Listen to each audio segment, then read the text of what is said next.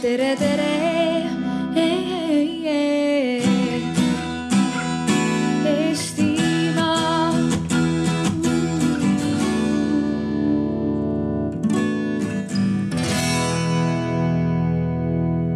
täna me räägime nüüd järgmised poolteist tundi sellest, kas noored tahavad peale tarbimisega luua, eelkõige digimaailmas.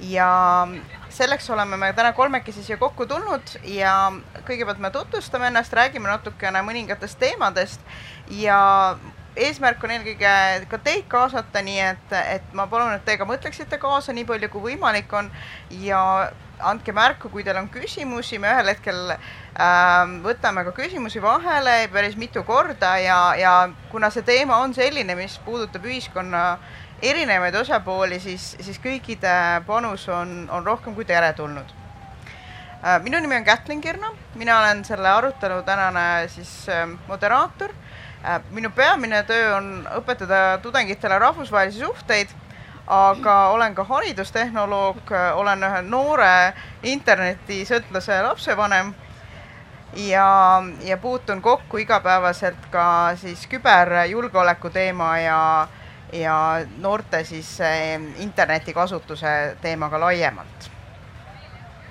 tervitus ka minu poolt, minu nimi on Artur. Ja antud kontekstis ma olen eetilise häkkeri rollis, mis miks selline otsus või miks selline roll, kuna taustalt ma olen küberkaitse lõpetanud varasemalt ning äh, mitu korda küberolümpiatel, küberpähklitel, sellistel võistlustel osalenud edukalt, Eesti tiimi juhtinud mitu korda ja igapäevaselt ma sisuliselt olen Skype'i maksesüsteemide arendaja ning kui sellest veel aega üle jääb, siis tegelen robot treidimisega. selline huvitav huvi Ähm, mina olen Marit, tere ka minu poolt. Siin selles paneelis on toimunud väikesed muudatused. Asendan täna Mariat, kes kahjuks jäi haigeks, aga olen siis koos Mariaga töötanud EUKids Online'i äh, uuringus ja projektis. Ja siis täna võtan tegelikult äh, äh, Tartu Ülikooli doktorandi rolli ja mina siis uurin digitaalset vanemlust ja siis laste ja vanemate suhteid siis digitaalses maailmas. Ehm, meil täna õpetajat ei ole paneelis, aga, aga kindlasti on, on publiku seas, nii et, et äh, kui kellegi, keegi tahab midagi pärast õpetajate poolt lisada, siis on see igati teretulnud. aga kõigepealt ma küsiksin sellise küsimuse, et kui meie teema täna on, on see, et kas noored tahavad olla ka loojad või, või ainult tarbijad, siis ma küsiksin, et mis, ähm, mis me üldse selle all mõtleme et mis asi on see loomine, mida me tahaksime, et need noored teeksid? Noh, selles mõttes, et eh, noored on, mis praegu enam, enamjaolt nad on nii-öelda õppija rollis ja ka paratamatult keegi peab seda õp õpetavat materjali ka tootma ja aru saama, et materjal ei tule niisama. et eh, mulle vähemalt tundub, et see oskus õppida ja oskus luua mingisugust õpetavat materjali niimoodi, et teised sellest kasu saaksid need on täiesti kaks erinevat oskust. Ja võikski seda probleemi pisut laiemalt lahata, et äh, meie koolid ja koolisüsteemid tegelikult ju soosivad nii-öelda õppima mingit olemasolevat äh, teemat või olemasolevat ko konteksti, mis on vajalik oskus meil igapäevaselt, aga samas on ka nagu kõik startup'id ja kõik maailm on ju tegelikult äh, põhineb sellele, et loojatel, et loojad on need, kes televiisoris igal pool näha, et eh, suurelt pildis kõik meie unicorn'id, kes siin e-, endiselt räägitud, et, et äkki peaks nagu meie noored rohkem mõtlema sellele, et selle asemel, et õppida sealt kõrvalt, peaks äkki ka looma midagi tagasi andma ühiskonnale, et eh, võib-olla sellises vaatevinklis oleks mõistlik seda alustada. Ma ilmselt vaatleks loomist äh, natukene laiemalt selles suhtes, et äh, ma arvan, et see, mida võib-olla meie ütleme siis täiskasvanud näeme loomisena, ei, ei pruugi noorele tähendada üldse sedasama, et mina julgeks öelda, et tegelikult pea kõik noored on loojad, näiteks sisuloojad sotsiaalmeediasse, Instagrami oma pildi postitamine on samamoodi loomine. et, et, et mulle tundub, et see, et see mõiste võiks olla palju laiem ja, ja võib-olla me peaksime natukene kõrvale vaatama sellisest traditsioonilisest loomise äh, käsitlusest. nüüd ähm, Ardo, sa mainisid seda, et meil oleks vaja, et toodetaks juurde äh, midagi sellist, mille pealt siis teised saaksid õppida. et millised on need materjalid, mida, mida sa näed, et võiks olla äh, noorel, noorel inimesel või ükskõik kellel siis küberküsimustes kui võtta nüüd äh, nagu küberteadmised või selline teadlikkus, nagu turvaliselt internetis olemine, et äh, see on tegelikult selline väga segmenteeritud valdkond, et on olemas inimesed, kes tõesti tegelevad sellega nagu professionaalselt. või siis nii-öelda nad on väga heal tasemel, nagu näiteks äh, küberpähkli osalejad, kes on juba lõppvoorudesse jõudnud, et nad, see vanus ei ole seal alati küsimus, nad on viieteist kuni kahekümne viie aastased reeglina. ja on näha, et neil on nagu väga-väga suur huvi asju, nagu seda asja sügavamalt aru saada, mis on küberkaitse, kuidas arvuteid lõhkuda, kuidas neid parandada ja, ja nii edasi ja nii edasi. ja kuna ma olen ise selles keskkonnas olnud, siis need, see entusiasm selles valdkonnas on väga-väga suur. aga samas seda content'it, mida või ne, mida neile anda, et nad nagu rohkem edasi areneksid, seda nagu väga ei ole. aga samas on näha ka, et needsamad inimesed nagu kind of ei taha seda content'it teha ka et see on nagu selline üks probleemne valdkond ja koht, kuhu nagu nii-öelda talentidele anda materjali, aga olgem realistlikud, et see on nagu mingisugune protsent, kes meil seal on, et suurem probleem on ilmselt isegi natuke madalamas eas, et kui meil on tavalised meie lapsed, meie tavalised, ütleme, põhikool enne seda isegi, et kuidas neile nagu selgeks teha, et kui sul on mobiil käes, siis kõik ei, kõik ei tasu alla tõmmata, kõik kõik andmed ei tasu kohe välja jagada, et eh, see on tegelikult materjal, mida nagu targalt internetist.ee on täiesti kättesaadav avali-, avalikult, aga kas me kõik teame seda, kas see, kõik, kõik see info nagu jõuab lasteni, see on selline küsimärgi all punkt veel. ja isegi enne seda, eh, nagu meil enne siin oli, et eh, tüdrukud võiksid rohkem IT-suunale minna. et see on, laias laastus on ju seesama probleem, et meil ei ole seda materjali või initsiatiivi, et nagu üldse näidata, et see on tõesti huvitav valdkond ja me tahaksime seda juba algusest peale nagu alustada tegemist. et juba esimeses klassis juba varasemalt juba näidata, et see on selline huvi, huviala, millesse nagu võiks tulevikus rohkem panustada. et see on laias laastus kokku, see on, see probleem on hästi keeruline, on olemas need, kelle, kes on juba jõudnud kuhugi, neil ei ole midagi enam juurde võtta need, kes eh, hetkel õpivad ja üritavad targemalt internetis hakkama saada, see ei pruugi olla isegi see gümnaas-, gümnaasiumi, põhikooli õpilane, see võib olla ka lapsevanem. et neil oleks materjali vaja juurde ja ka need, kes just sellesse valdkonda nagu tulemas on, et äh, ei teagi mitte midagi, mis on see esimene hukk nii-öelda, kuhu, kuhu nad kinni jäävad, et äh, sellesse maailma nagu sisse tõmmata ennast. see on nagu hästi kihiline probleem nüüd Marit, sa mainisid, et sa oled seotud, eks ole, üle-euroopalise uuringuga ja, ja seesama noh, hukkimine ja kuidas inimeste teadlikkust tõsta ja nii edasi, see teema kajastub otsapidi ka seal uuringus.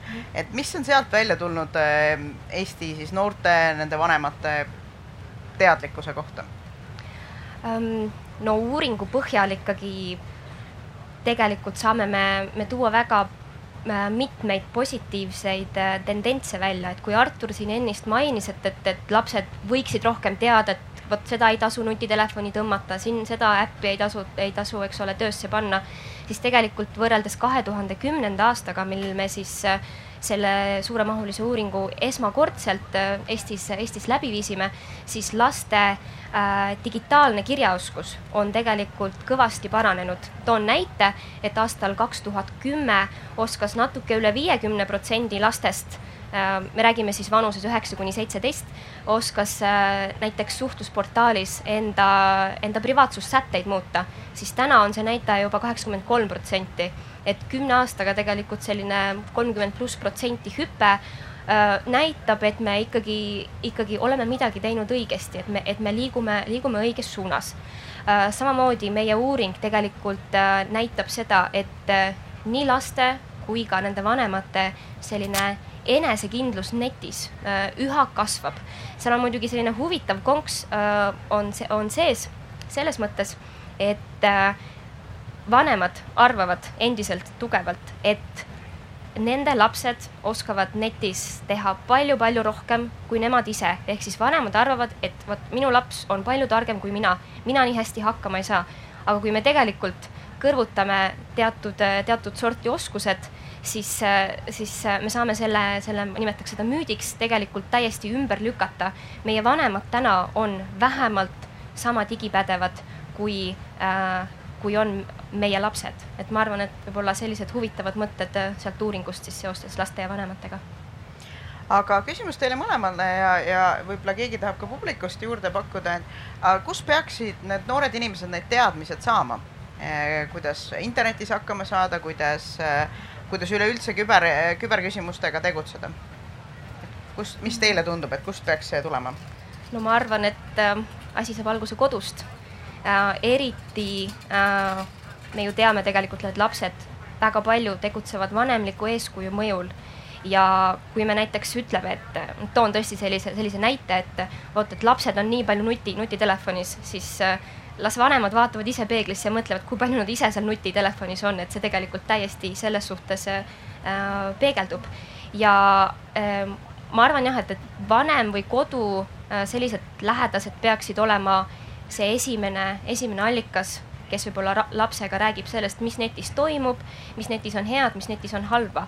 ja taaskord saan uuringust välja tuua äh, positiivset, äh, positiivset muutust Eesti ühiskonnas. kui kaheksa aastat tagasi paistsime me Euroopas äh, siis negatiivselt silma sellega, et Eesti vanemaid tegelikult praktiliselt ei huvitanud, mida, mida lapsed netis tegid, et me olime nii-öelda Euroopa staarid selles suhtes, siis nüüd tegelikult juba üheksakümmend kaks protsenti vanematest enda sõnul räägib oma lapsega sellest, mis, äh, mis netis toimub.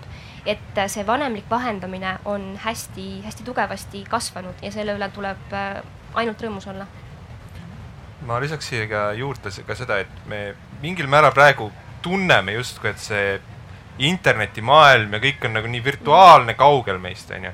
aga tuleme tagasi nüüd koduse kasvatuse juurde, et tegelikult äh, igaüks peaks oma lapsele ju õpetama, et nagu kui suvaline mees tuleb sinu juurde, siis sa ei an-, nagu ei, nõustu kõigega, mis ta sulle ütleb. aga samas nüüd võiks nagu mõelda, et seesama asi on ju tegelikult ka internetis, et see kommunikatsioon ei ole enam näost näkku, vaid see on läbi mingisuguse traadi. et äh, sama printsiip ikkagi kehtib, et kui keegi tuleb sinuga rääkima, siis ei tasu ju kohe kõike infot välja anda või siis üldse temaga kaasa minna. ja et eh, kui keegi tänaval küsib, et saad sa oma rahakoti ja võtmed ja pangakaardi anda, et mul oleks seda vaja. loomulikult sa ütled tänaval, et ei, ma ei, ma, ma ei taha, ka minema. aga kui see internetis sama küsimus tuleb, siis sa oled nagu palju nagu psühholoogiliselt nagu oled, aa, okei okay,, mingi midagi, mingi küsimus, jah, paneme jah kohe ära. aga sisuliselt ju seal vahet ei ole. see asi on lihtsalt meile lihtsamaks tehtud, et meil kaob see inimlik faktor seal ära, aga tulemus on ikkagi sama. et tagasi selle küsimuse juurde, et nagu vanemad, et kas nad on ise teadlikud sellest IT-maailmast või mitte. see on, muidugi on see tähtis osa sellest aga ma leian, et äh, isegi kui vanemale tundub, et ta ei tea, mis on see IT-maailm ja kuidas seal käituda, siis tegelikult printsiibid on ju samad, et äh, ei tohi anda liiga palju infot välja, ei tohi minna võõraste ideedega kaasa. lihtsalt see mõttemaailm, et äh, üks on virtuaalne, teine on reaalne, see pigem läheb nagu kokku üheks ja ma tõesti siiralt arvan, et esimene koht, kus see nii-öelda info tuleb, on siiski vanemad ja kodune kasvatus aga kui lapsed saavad vanemaks ja noored lähevad juba ülikooli, keskkooli edasi, siis eh, omast kogemusest võin öelda, et tegelikult see vanemlik nagu taust või selline, mis õp õpetlik eh, osa elust, see nagu ka nagu natuke läheb nagu eemale ja sul tegelikult on eakaaslased, kellelt sa selle info tegelikult omandad lõppkokkuvõttes, et minu, minu näide on nagu see, et ma ei olnud väga küberinimene varem, no ma tegelesin arvutitega vaatasin, mis ringi, aga tegelikult see esimene push või kus, kus, kus mind sundis nagu sinna rohkem uurima, oli tegelikult see ümbrus mu ümber, et äh, mul oli üks väga hea sõber, kes äh, vaatas, et oh, teeme midagi sellist, teeme midagi sellist, nagu lõhume asju, teeme midagi katki, laamendame. ja just see keskkond, kus ma üles kasvasin, tegelikult soosis seda, et me uuriksime iseenesest seda, mis on küber, kuidas see toimib ja nii edasi, et äh, see on jälle kihiline, ühtset vastust siin on raske anda, kuhu see, kust see õpetus tegelikult tuleb Ähm, huvitav on siin see, et on äh, päris palju räägitud Eestis sellest, et noh, meil IT-tunde äh, paljudes koolides ei ole äh, või siis need on sellised lihtsad. samas ähm, eelmisel aastal ähm, küberpähkli siis võistluse raames viidi läbi ka suur üle-eestiline uuring, kus osales lõpptulemusena hästi palju lapsi, osales noh, kokku üheksa tuhat kuussada last ja neljandast kuni siis üheksanda klassini ja seal küsiti enesehinnanguid internetitegevuse kohta, et noorte käest vanemate igas, igasuguseid asju ja, ja küsiti ka siis küsimusi, mis peaksid näitama nende oskusi. ja, ja sealt selgus, et ähm, mida kõrgem oli enesehinnang, et mida kõrgem oli tunne, et ma oskan internetis asju teha, et siis seda paremaid tehti ka otsuseid. et noh, tõenäoliselt seal on kuidagi see teistpidi siis tegelikult seotud, aga aga mis oli huvitav, oli see, et tegelikult ei olnud mingisugust seost sellega või vähemalt märkimisväärset seost sellega, et ähm, kas käiakse a la robootikaringis või äh, või, või informaatika mingis, mingis spetsiaalses kohas, et, et see järelikult noh, see info peaks tulema ikkagi kuskilt mujalt, kuigi paljuski äh, heidetakse ka koolidele ette, noh, lapsevanemad ütlevad, et noh, tegelikult see info peaks koolist tulema. aga noh, siit sellest uuringust ja ka teie näidete pealt tuleb, et noh, tegelikult on see ikkagi kodune kodune küsimus eelkõige ja kool ikkagi annab, saab sinna ainult juurde panna äh,. olete või äh, olete te nõus sellega, et see peaks algama kodust eelkõige? jah, selles mõttes, et äh, kodune jah, kindlasti, aga sellega, et kool mitte midagi ei peaks tegema, see nüüd väga ei, seda, ei no mitte seda, et ta mitte midagi, aga see, et, et see ei ole nagu peamine, peamine küsimus, mis, mis äh, ühele või teisele poole viib. no ma muidugi tulen keskkonnast, kus tegelikult oli koolipoolne huviringid ja asjad ja ma siiralt usun, et mind tegelikult juba noorest peale ajas laias laastus seda IT-suunda ajama tänu just minu ümbrusele koolis, nutiringid, asjad. mu vanemad täi-, põhimõtteliselt null nagu need, siin on arvuti, siin on telekas, need teevad midagi see oli mu nagu kodune kasvatus, aga see tänu sellele, et ma nägin, et koolis on äh, reaalselt mingisugused robootikaringid, nutiringid, äh, kus saab programmeerimist õppida, kus saab nagu erinevaid äppe kokku panna. see oli tegelikult minu jaoks väga toetav, et ilmselt see sõltub inimesest inimesse, aga vähemalt selle uuringu tulemused ja minu intuitsioon, mis võiks nagu reaalsuses olla, on natukene lahus. Hmm. et ma ei tea, kuidas seda kõrvalt kommenteeritakse no ma arvan, et on hästi oluline, et, et sellised võimalused on koolides olemas, aga teisalt jällegi ma olen hästi nagu, nagu tugevalt seda poolt, et, et, et võib-olla me kipume liiga palju vastutust koolidele, noh, kooli, koolidele lükkama, me kõik teame, kui nagu täispakitud on õppekavad, kui palju oodatakse õpetajatelt ja nii, et, et ma natuke näen sellist vanemliku vastutuse eh, liigset äraliikumist sellisele koolile ja õpetajale, et vot, vot tehke teie, teie ju õpetate ja vot, vot te pakkuge -hmm. neid asju, et, et ma oleksin siin nagu natuke ettevaatlik mm. -hmm. nii, küsimus või kommentaar? mul on sulle pall ka pakkuda nii, hops. et äh, mul lihtsalt äh, tekkis selle, sellega üks mõte, et äh, et õrnas eas lapsed kipuvad võib-olla oma vanemate sellist nõu võtma mitte nii tõe pähe kui näiteks oma, oma sõprade nõu nii-öelda. ja et see, mis võib juhtuda just nüüd algkoolis või põhikoolis internetis, on üsna hirmus ja vanematel ei ole nagu selle üle tegelikult sellist äh, suurt valvet ja kui mina käisin veel koolis, siis ei, siis ei olnud meil selliseid tunde. nüüd mul üks väike tuttav, kes on kümneaastane, nende koolis oli ka IT-alane sihuke, IT-alased loengud kaks kuud ja tema õppis selle kohta nii palju äh, rohkem, kui mina tean isegi praeguseks oma jaoks. Ja mina arvan, et äh, just see koolipoolne panus on hästi oluline, kuna see on see keskkond, kus laps veedab tegelikult suurema osa oma ajast ja räägib võib-olla sõpradega sellest IT-maailmast rohkem kui oma vanematega mm, -hmm. sest natuke see on nagu tabuteema ikkagi, kuna lapsed ka juba teavad, et seda peetakse nii-öelda ohtlikuks keskkonnaks mm. -hmm. et ma arvan just, et see, et me peame adapteeruma meie kaasaegse nii-öelda maailmaga ja kuna see on hästi oluline ja suur osa praegusest nii-öelda lapsepõlvest ja inimeste eludest, siis nagu ka koolis on eh, tunnid suhetest ja armastusest, võiks olla ka tunnid eh, IT-st mm.. ma arvan, et selle vastu vaevalt, et keegi on, viska lihtsalt tagasi.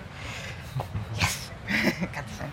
aga mul tuli sellega seoses sihuke mõte ähm, et äh, seesama küsimus äh, on paljudel vanematel, mis puudutab arvutit ja, ja arvutikasutust. Ja, ja mõnikord nad võib-olla ei oska äh, seda probleemi lahendada, võib-olla nad lihtsalt ei viitsi sellega tegeleda, noh, see on ka asi, mida on palju arutatud, et noh, kui palju aega on vanematel lastega tegelemiseks ja nii edasi.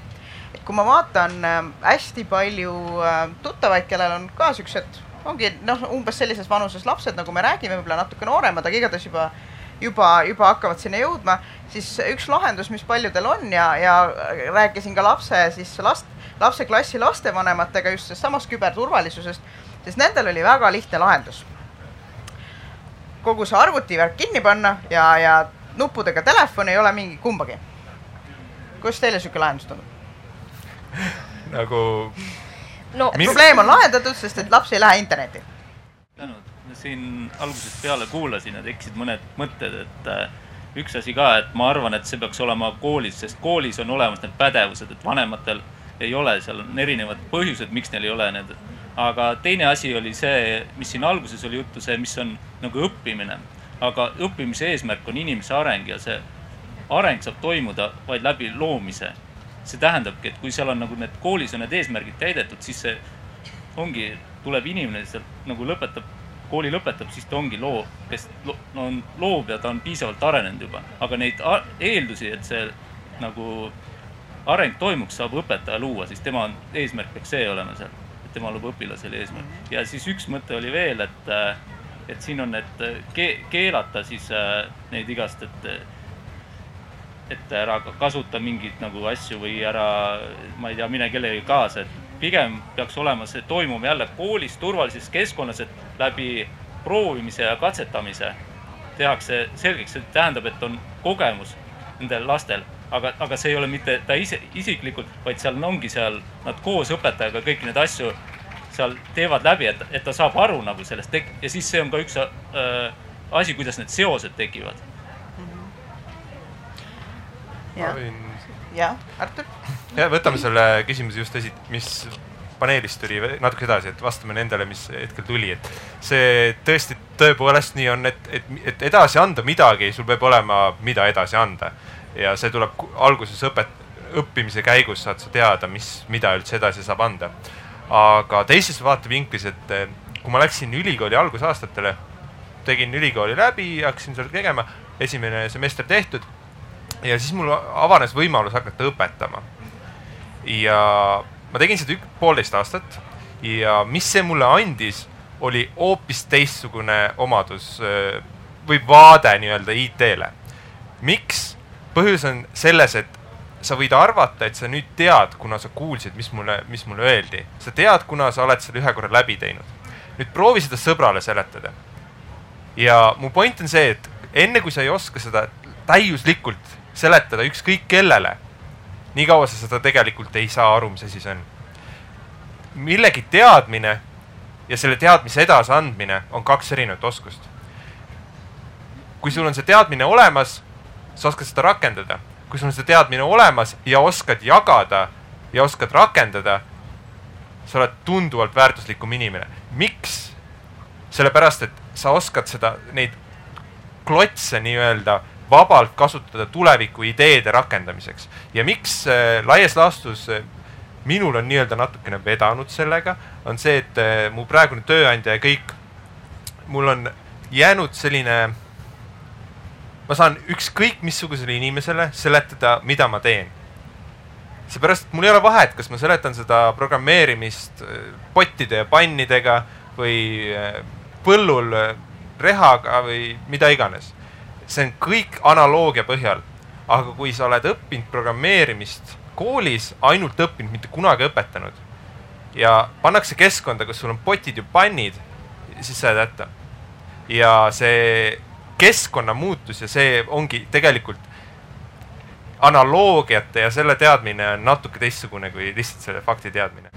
siis ongi koolis õpetav fakte, aga mitte see, kuidas jõuda selleni. jah, see on võib-olla tegelikult meie õpetamise mehhanism, aga ülikool tegelikult õpetab sulle seda, neid teid ka, aga.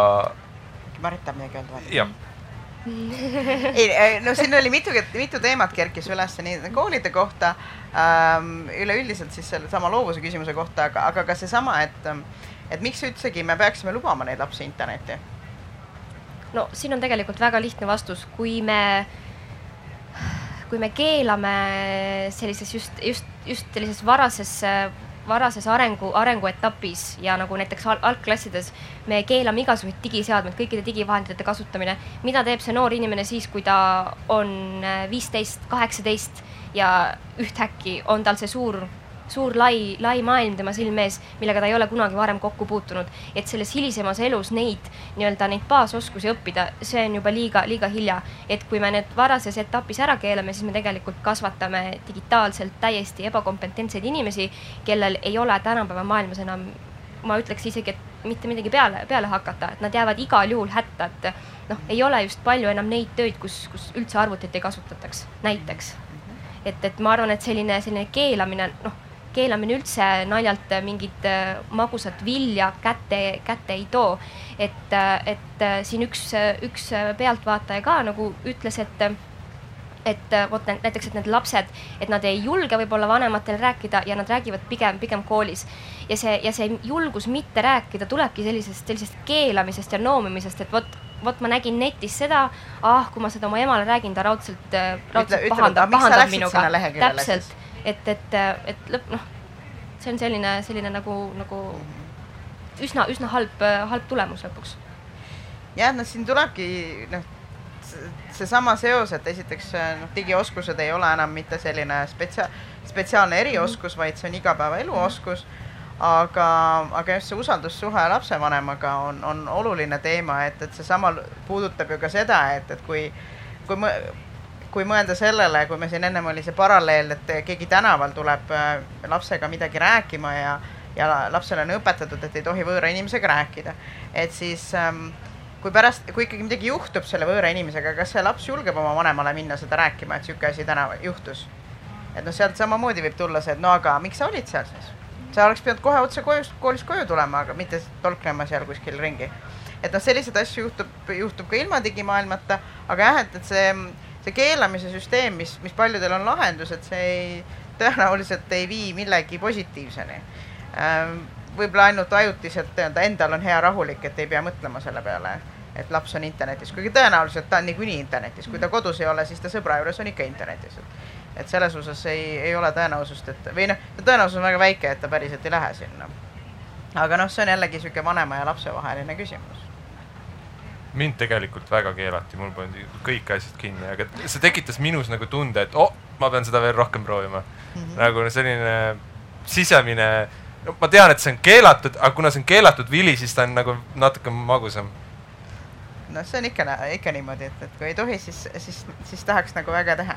küsiks vahepeal, kas on veel küsimusi või, või kommentaare kellelgi tekkinud? Eh, seal taga on üks, nii. see asjandus kipub siit lahti tulema, ma kahtlustan aga äkki saab kuidagi.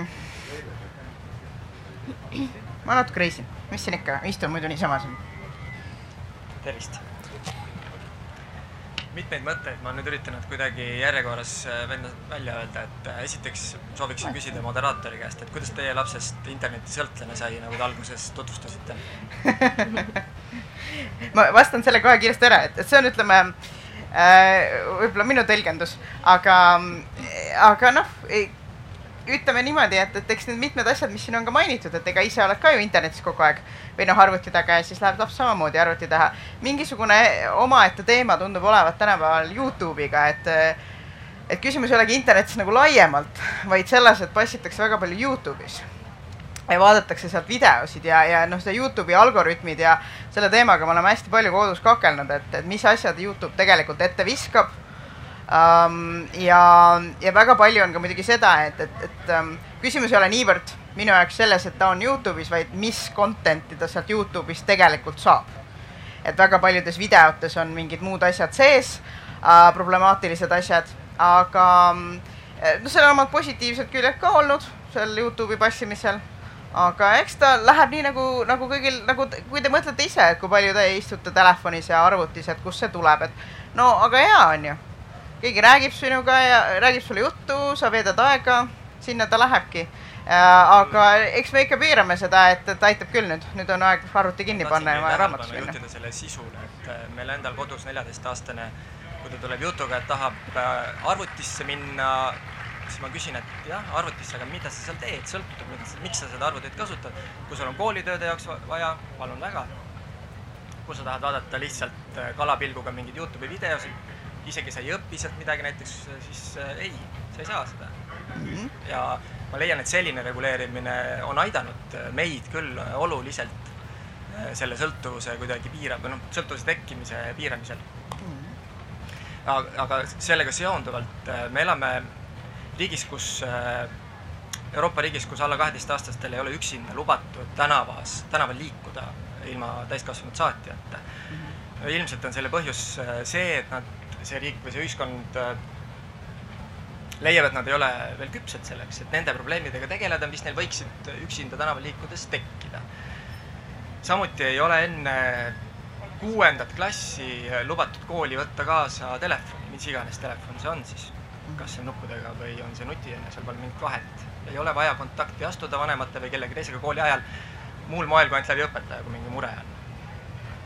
Et äh, kas te ei leia, et näiteks Eesti on nagu selle vabadusega läinud nagu üle piiri, et äh, esimeses klassis on äh, nii-öelda võidurelvastumine lastel, kes, kellel on juba seal puututundlik telefon, noh ilmselt on kõikidel tänapäeval juba, et aga noh, et see muudkui seal, see lumepallina kasvab kogu aeg, see nii-öelda see probleem tegelikult, minu arvates on see probleem või et Facebook on tegelikult ju alaeal-, noh, mitte alaealistele, aga mingist hetkest ikkagi ei ole lubatud, samamoodi Whatsapp või Instagram.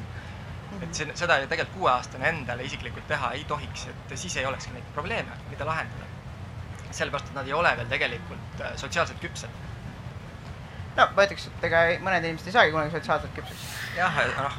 aga ähm, paar asja, mis puudutab, noh, see on, on teatud ühiskonnad, tead, kus on ähm, miinimumpiir mis puudutab äh, laste üksiga olekut ja noh, näiteks ka USA-s võetakse ka kolmeteistaastasele lapsehoidja ja niimoodi. et noh, selles osas on iga ühiskond jõudnud ise mingisuguse tulemuseni, mida nad peavad, et arvavad, et on mõistlik. Ähm, see on alati, noh, minu igapäevane elu koosneb väga palju välismaalastega kokkupuutest, et nende jaoks on alati veider, et meil siuksed junsud koolikottidega panevad mööda tänavaid ringi rahulikult ja keegi ei pane tähele neid. aga et eks kindlasti seal on mitu erinevat tahku, mis puudutab nüüd seda Äh, seda, et, et äkki, äkki, äkki siis äh, ma ei teagi, piirata, ma saan noh, piirata tea, teatud määral ähm,, piirata telefonide koolikasutust, kuidas teile tundub see mõte? mul on tegelikult, äh, kuna ma olen teisel pool seda tehnilist poolt ka, et ma tean, mis viisil tegelikult me püüame inimesi ja laias laastus tegelikult eh, miks me tahame nii väga Facebookis ja igal pool olla, on tegelikult see, et me saame hästi kergel viisil selle kiki kätte, et nüüd oh, mõnus oli. ja see on tegelikult meie aju refleks eh, kogu aeg ennast premeerida. ja kuidas see laias laastus töötab, on see, et ma näen õuna puu otsas, ma pean üles minema selle ära tooma ja siis saan süüa, siis on väga hea, ma õppisin ära, et oh ma sain süüa, ma läksin puu otsa, sain õuna süüa. nüüd, kui mul on see kogu aeg, iga päev see õun laua peal, ma ei lähe enam puu otsa õuna tooma, seepärast et mul on see raskem protsess, aga ma tahan, ma tahan seda lõpptulemust, ma tahan seda sööki kätte saada. ja laias laastus selline sarnane ideeliselt äh, toimub ka internetis, et äh, meil on seal inimesed, kellega me räägime ja kuna rääkimine ja kõik on nii lihtsaks meile ära tehtud me saame selle efekti hästi-hästi kiiresti kätte ja me satume sellest efektist, tulemusest sõltu-, sõltuvaks. ja miks ma leian, et tegelikult selline nii-öelda informatsioonisõda või selline asi on tegelikult meile halb, long term mõttes on see, et me õpime ära mingid väga-väga efektiivsed viisid, kuidas oma aju petta ära, et nüüd on hea olla. Ja me ei lähe enam nende traditsiooniliste meetodite juurde, meid lihtsalt, meid ei huvitagi, meie huvi kaob kõik sealt ära. et tegelikult selles mõttes on äh, nii-öelda interneti liigkasutus tegelikult su enda aju, aju arengule ei tundu väga mõistlik tegevus, mida teha. ja ma tegelikult natukene isegi piiraks se selles mõttes nii-öelda noorte arenevate organismide ligipääsu sellele tehnikale, kuna just selle, meil on nii-öelda ajussüsteem, mis premeerimissüsteem ja me rikume seda premeerimissüsteemi tegelikult, et nagu tehniliselt võttes, mida me teeme taustal, on see, et me proovime võimalikult efektiivsel viisil leida, kuidas see inimene saab äh, nagu õnnelikuks, et oleks impact hästi kiiresti. ja me teeme värv, erinevaid värve proovime, millised värvid töötavad paremini, et sa saaksid kiiremini äh, selle kiki kätte. ja kõik siuksed tehnikad pannakse mängu, et jumala eest sa ei läheks ära sealt enam ja see on tegelikult päris õudne, mida tänapäeva informatsiooniajastu teeb sinuga endaga, sinu ajuga, et eh, hoida lõksus nii-öelda enda juures, et eh, see võib-olla vastab sellele küsimusele, et kui palju ja ma, ma ütleks, et mina näen seda õigena, et lõpmatuseni ei saa laps arvutis olla, see ei, see ei ole õige minu arvates loomulikult, et vanem on see, kes lõpuks äh, peab mingisugused piirid seadma, seda enam, et see, see noor inimene ise ei pruugi kõiki neid, neid äh, halbi, halbu külgesid isegi tajuda. aga ma hea meelega kommenteeriks seda äh, seda võidurelvastumise mõtet, et kõikidel lastel on, on nagu, on nagu telefonid näpus, et mõtleme, et kes need telefonid lastele ostavad, eks ole, vanemad. nii ähm,, äh, kaks nagu, kaks nagu vaadet võib-olla siia on esiteks see, et Ähm, teaduskirjanduses on äh, järjest äh, nii-öelda kuumemaks muutunud selline termin nagu transcendent parent.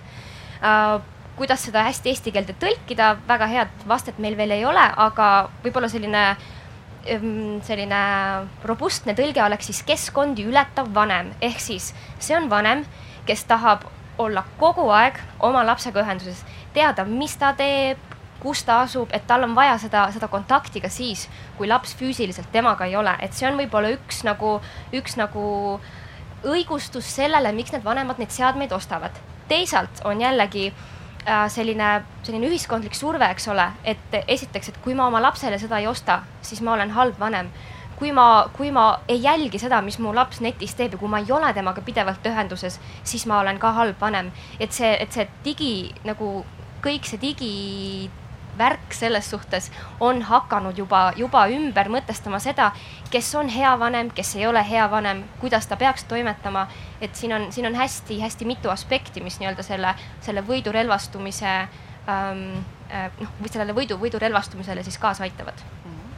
Ma arvan, et see, ma näen kohe, et võib selle palli äkki sinnapoole saata, aga ma vastan sellele, selle vanemluse küsimuses, et, et näiteks mina olen, olen üks nendest vanematest, kelle puhul ähm, ma olen äh, läbi Google Maps'i, ma tean alati, kus mu laps on, tema teab, kus mina ka olen äh,. meil mehega ka vastastikku ja, ja selles mõttes, et vahest on sellest jumala palju kasu, et mingi päev mees saatis mulle palju sõnumeid, me elame eri riikides ja siis äh, hakkas muretsema, siis vaatas kaardi pealt, aa, sa läksid ujuma. et seepärast sa ei vasta mulle, aga samamoodi noh, lapsega, et ma olen ka jälginud, et, et ka, kus ta, kas ta nüüd läks trenni või ei läinud trenni, sest noh, laste puhul on ikka see, et, et noh, ja, ja, ja, ja siis pärast äh, ei tulnud välja. et, et see on on, on neid vanemaid, kes nagu jälgivad niimoodi püsivalt on neid ka, kes ei jälgi. Ja, ja noh, mina olen pidanud seda jälgimist ka selle poolest, et ma jälgin ka, mida ta internetis teeb. Just sellepärast, et ma oskaksin teda aidata, kui tal mingi küsimus tekib, suunata teda, et ei, ära mine vaata või noh, et, et kuule, et vaata, sa vaatasid neid videosid, et, et räägime nüüd natuke läbi, mis seal videos teile räägiti, et, et see ei ole, võib olla päris tõsi ja, ja noh, selliseid asju, et noh, on selliseid vanemaid, aga on ka selliseid vanemaid, kes, kelle lapsed istuvad niisama internetis, eks ole. et eks siin on ka jällegi, nagu sa ütlesid, et see arusaam sellest, et kes on hea vanem ja halb vanem, esiteks on üleüldse niisugune mõttetu pikk saaga, aga, aga jah, see digiküsimus on sinna lisandunud, lisanud võib-olla mingi uue, uue mõõtme selles osas, et, et um, mis, mis, mis seadmeid keegi lapsele ostab ja, ja mida ta nendega teha laseb. aga seal oli küsimus no.. nii äh,, ma lihtsalt äh, tahaksingi sinna eelmisele kommentaarile lisada veel juurde ühe põhjuse, mis minu arvates on väga hea põhjus, on see, et laps ju tahab. et laps ise tahab telefoni, ta näeb, et kõikidel klassikaaslastel on, see on see kõige ihaldusväärsem asi, mida omada, ta võib-olla küsib sul tead igaks sünnipäevaks, jõuludeks, mis iganes tähtpäevaks, et see on see üks asi, emme, mis palun kingi mulle. Ja, ja lisaks veel see, et, et kui sa näed, et kõikidel laps, lapsevanemana, kui sa näed, et kõikidel teistel lastel on ja nemad tegutsevad seal maailmas, et kuidas sa jätad oma lapse sellest maailmast välja et kõik teised eakaaslased räägivad, et sellest influencer'ist või sellest mingist videost, mis nad vaatasid, neil on nii palju ühiseid teemasid ja sinu lapsel ei ole. sest äh, sa ei ostnud talle telefoni või äh, ta, ta lihtsalt ei saa osaleda selles. et noh, ma ei ole veel lapsevanem, aga ma ei ole enda jaoks veel vastanud küsimusele, et äh, kuidas ma võtan vastu selle otsuse, et äh, ma jätan oma lapse kuidagi välja äh, mingitest teemadest, mis on väga laiad ja väga olulised tema eakaaslaste hulgas no just, sest kui sa jätad ta välja, siis sa oled tegelikult justkui halb, halb vanem, eks ole. ja, aga see ei ole ainult nuti küsimus selles mõttes, et ähm, mäletan, kui minu laps oli lasteaias, siis ma ei tea, kas see siiamaani on sihuke asi alles nagu kätt, kättemaksukontor. Võimalik. kõik, on siuksed, mina ei vaata telekat, ma ei tea midagi ähm,. see on omaette, omaette kogukond inimesi, aga mingil hetkel oli lasteaias oli põhiteema see, et, et hästi palju lapsi vaatasid kättemaksukontorit ja minu laps ei kunagi näinud seda aga sellest ei juhtu mitte midagi. selles mõttes, et nad leiavad mingit, midagi muud rääkida. et ei ole olemas sellist asja, et, et, et noh, on, on ainult mingi üks teema, millest, millest lapsed räägivad, et jaa, võib-olla see on täna on üks teema, aga homme on neil mingi teine teema keegi nägi teel kohe, teel kooli mingisugust, ma ei tea, mis asja tee peal ja siis nad jauravad selle teemal terve ülejäänud päeva, et selles mõttes on äh, ka need sotsiaalsed fenomenid, noh, ka need influencer'id tulevad ja lähevad, eks ole. et äh, väga paljud Eesti lapsed vaatavad HD Tanelit äh,. ma tean hästi palju ähm, huvitaval kombel ma pakun, et siin rohkem inimesi, kes teavad, kes on HD Tanel, kui, kui need, kes on kättemaksukontorit näinud, vähemalt oma jutu järgi äh,. aga, aga no ma tean ka neid, mina näiteks ei tea ühtegi last, kes seda vaataks ja ma olen päris mitmete käest küsinud, et nad on kuulnud, et HD Tanel on olemas, aga nad ei ole keegi kunagi vaadanud teda. et selles mõttes äh,, ega siin on näiteks ka, ma ütleks ka seesama Youtube'i küsimus on ka keelekogukonna erinevus, et osad Eesti noored vaatavad eestikeelseid, osad vaatavad inglisekeelseid ja elavad ja samamoodi on ka see interneti tarbimises on täiesti erinevad kogukonnad, et, et kes tarbib mis meediat seal äh,, kes teeb seal mida. Et selles mõttes on äh,, ei ole olemas siukest nagu ühtset amorfset äh,, et noh, me kõik oleme nüüd internetis ja teeme samu asju, et noh äh,. siin oli enne mainiti Facebooki, ma tahaks, korraks räägin ühe loo selle kohta, mul laps tegi, tal oli mingi mängu jaoks tegi Facebooki konto ja siis ma olin ka hästi mures selle pärast, et, et noh, et ähm, nagu me kõik kuuleme, eks ole, et no inimesed on Facebookis nii palju ja nii. ja siis ta oli, see konto on tal alles, ta, ta käis seal kaks päeva niimoodi, et noh, paar korda käis ja siis ta tuli mu juurde küsis, et see ongi või? Et kõik räägivad mulle Facebookist kogu aeg, et see ongi Facebook või? nojah, aga see on igav ju. sest et noh, see on teksti, Facebook on tekstipõhine. ja see ju, või noh, inimesed kirjutavad sinna mingeid asju see ei huvita teda absoluutselt, et selles mõttes on põlvkonna erinevus selgelt. no Facebookist on kujunenud nii-öelda, kas öelda siis vanade inimeste meedium või? enamik Facebooki kasutajad on praegu juba kolmkümmend viis pluss, et, et see ei ole enam tegelikult noore jaoks, eriti teismelise, ma ei tea, üheteist, kaheteistaastase jaoks, noh, see ei ole enam tema kanal mm.. aga midagi öelda? ma tahtsin lihtsalt öelda, et ta peaks äh, Tiktoki proovima sel juhul ma üritaks piirata neid erinevaid. nii, kas keegi tahab veel äh,? palli sinna. hops, no näe. Lihtsalt seesama teema, et ütleme, kui tal kõik need sõbrad suhtlevad seal, ütleme, sotsiaalmeedias, siis ta lihtsalt näeb nagu iso-, isoleerituks sinna, aga, aga suhted on väga oluline osa inimese nagu see, et ta vaimselt ka terve oleks, et et selles mõttes on oluline, nüüd kui, kui tal sõbrad ei ole, seal on, ei suhtle selle kaudu, ma saan aru, et keegi paneb lihtsalt mingeid asju, paneb like või mingeid mm. sõnu, sõnumeid, aga kui nad seal omavahel on need, nagu ongi seal ju, on võimalik nagu telefoniga sõnumeid saata, on ju, ja omavahel suhelda pidevalt, et, et see suhtlemise mõttes on ikkagi vajalik, kui, kui, kui tal sõbrad ka samamoodi suhtlevad. aga ma korraks tooks, tuleksin tagasi. ah, lendas ära, ma kogu aeg ootasin, millal see ära lendab sealt küljest et tuleks tagasi korraks selle teema juurde, mis meil äh, siin aeg-ajalt äh, ekraani peal flash ib, et, et kuidas need noored ikkagi ähm, sellest tarbijast, sest praegu me oleme ka hästi palju rääkinud, noored tarbivad. Aga kuidas me saaksime neid loojateks? et kas nad tahavad olla ainult tarbijad või tahaksid nad olla ka loojad. ja ma küsiksin sellise küsimuse, et mis noor inimene sellest saab?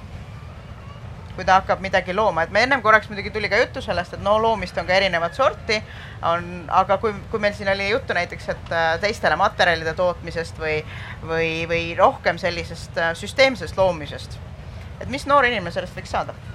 Tegelikult äh, selles mõttes, et loomine iseenesest on tegelikult keeruline protsess, on ju, kui sa tahad Youtube'i videot või tahad oma Instagrami pilte teha ja nii edasi, et tegelikult see vajab mingisuguseid teadmisi sinult endalt nagu mingisuguseid oskusi, et, et kui me annamegi lapsele võimaluse, et hakka Youtube videosid tegema, hakka live stream'e tegema, siis tegelikult, mida see tähendab, on see, et ta peab hakkama aru saama, mis on nagu kaamera, kuidas see kaamerast pilt jõuab sinna Youtube'i ja siis hakata, kuidas seda video kvaliteeti veel paremaks teha, kuidas neid asju kõik kokku panna, võib-olla pilt pildis teha, kuidas heli kvaliteeti parandada, et see on tegelikult ju tehniline teadmine ja seda õpib sellest hästi-hästi palju.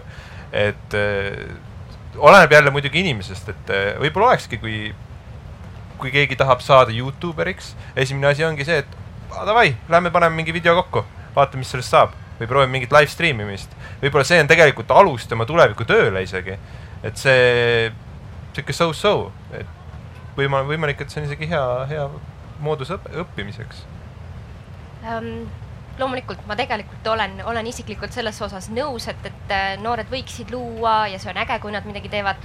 aga, aga üks, üks pisike mõttekoht, et, et tegelikult igasuguses loomises ja osa, osaluses ja siin ka tänases arutelus on selline äh, normatiivsuse aspekt selles suhtes sees, et me justkui vaikimisi eeldame, et kõik peavad osalema, kõik peavad looma, kõik peavad kogu aeg kaasas olema aga kas tegelikult peavad reaalselt, kas me tegelikult tahaks, et, et, et äh, kõik terve klassitäis lapsi, kõik paneks kogu aeg Youtube'i sisu ülesse sinna-tänna, eks ole, teeks ükskõik mida. et ma, ma, mida ma tahan öelda, on see, et ma arvan, et ka selles tarbija rollis olemine ei ole midagi häbiväärset või halba. nii, viskan palli siia. Alar? no äh, ma tahaks öelda lihtsalt seda, et äh, mina, ma loodan, et ma veel loen noore inimese alla äh,. mina tegelen siis hobina programmeerimisega, mis ma saan aru, et loeb ka siis loomise alla selles kontekstis siin. mina teen seda lihtsalt lõbu pärast, sellepärast et see on minu jaoks huvitav tegevus. selle käigus ma ise õpin ka arvutitest ja arvutid üldiselt lihtsalt huvitavad mind, et ma arvan, et see, et lihtsalt endal oleks huvitav ja lõbus, võiks ka olla lihtsalt põhjus, miks luua asja veel mõtteid? see on laias laastus, äh, võin kommenteerida viimast, et äh, ma, ma olin ilmselt sama, samasugune inimene, et äh, programmeerimine, joonistamine, need kõik on tegelikult mingil väär, määral nagu kunst, et sa tahad seda teha, sa tahad ennast väljendada ja see on täiesti valiidne point mm. -hmm. nii, palun. Ma mängiks nii-öelda devil's advocate'i siin või, või saatana advokaati siis, et äh, ja tooks nagu uue vaatenurga, et oletame, et see sotsiaalmeedia ja interneti lahing, mida me nagu siin võitleme, puikleme selle vastu, et see on juba kaotatud. et, eh, et see tuleb, see on paratamatu ja nüüd me võime seda keelata lastel endale, kes, kes iganes, aga kui me seda teeme, et siis me noh, lülitame selle inimese ülejäänud ühiskonnast välja. E ja sellest vaatenurgast, kui me siis ikkagi muretseme, et mida need inimesed seal tarbivad, siis kas ei, kas ei olegi mitte ainult noorte, vaid ka täiskasvanute nii-öelda kohustus eh, sinna keskkonda seda sisu toota, mida nii lapsed kui ka täiskasvanud siis tarbivad eh,. ja, ja mitte siis eh, ka ka noorte harimist eh, noh, jätta ainult lapsevanemate ja koolide hooleks, vaid viia see harimine just sinna, kus nad, kus nad reaalselt ka on. ehk siis, kui nad kasutavad sotsiaalmeediat, siis viiagi see harimine sinna sotsiaalmeediasse. jah. Keegi tahab kommenteerida? ei, minu, minu vaatevinklist IT-inimesena ma tegelikult pooldangi, et mul tuleb informatsioon läbi traadi tuleb koju, ma istun oma diivanis ja rahulikult õpin, et see on loomulikult eh, minu nii-öelda soovitud viis infot omandada ja ma arvan, et tegelikult ühiskondlikus võt-, võtmes, et kui me teeme need kanalid mugavamaks, infoedastuse kiiremaks, et me tegelikult äh, nii-öelda inimese areng kiireneb nii-öelda, et äh, rohkem infot, rohkem äh, õppimist, täiesti valiidne point, et see on Facebook, Youtube, hariduse mõttes on isegi kasulik mõnel määral, mitte mõnel määral, vaid kohe kindlasti. pool minu haridust on Youtube'ist ilmselt. ma arvan, paljudel inimestel on pool haridust Youtube'ist nii. See mõte on hästi üllas ja see meeldib mulle, et see, et see haridus tuleks justkui läbi nende samade meediumite, mida me kasutame, aga, aga küsimus ongi, et kuidas, et, et esiteks internet juba on midagi nii hoomamatut, et, et kuidas sa justkui võtad selle interneti kontrolli alla. Ja siis me juba jõuame ju tegelikult ju eh, nii-öelda ja noh, otsa, otsapidi internetivabaduseni, eks ole, ja, ja nii edasi, et see on lihtsalt nii kompleksne teema, et ma olen põhimõtteliselt sellega nõus, et tegelikult eh, et, et nii-öelda näiteks Facebooki kasutades võiksime me paralleelselt õppida eh, oma turvalisuse ja mille iganes kohta, aga et kuidas seda teha ja, ja nagu, ja nagu kelle poolt see initsiatiiv peaks tulema, et siin on hästi-hästi palju mõttekohti. nii, mul selle kohta üks mõte, aga jah, jah. asja öelda, et, et see peaks olema eelnevalt juba õpilastele siis nagu, et nad on omandanud selle, et, et mis, mis, kuidas ja missugust infot nagu, tähendab, kus saada, kus on need kanalid, kust ta saaks kätte seda, mille, mille abil ta saaks nagu õppida.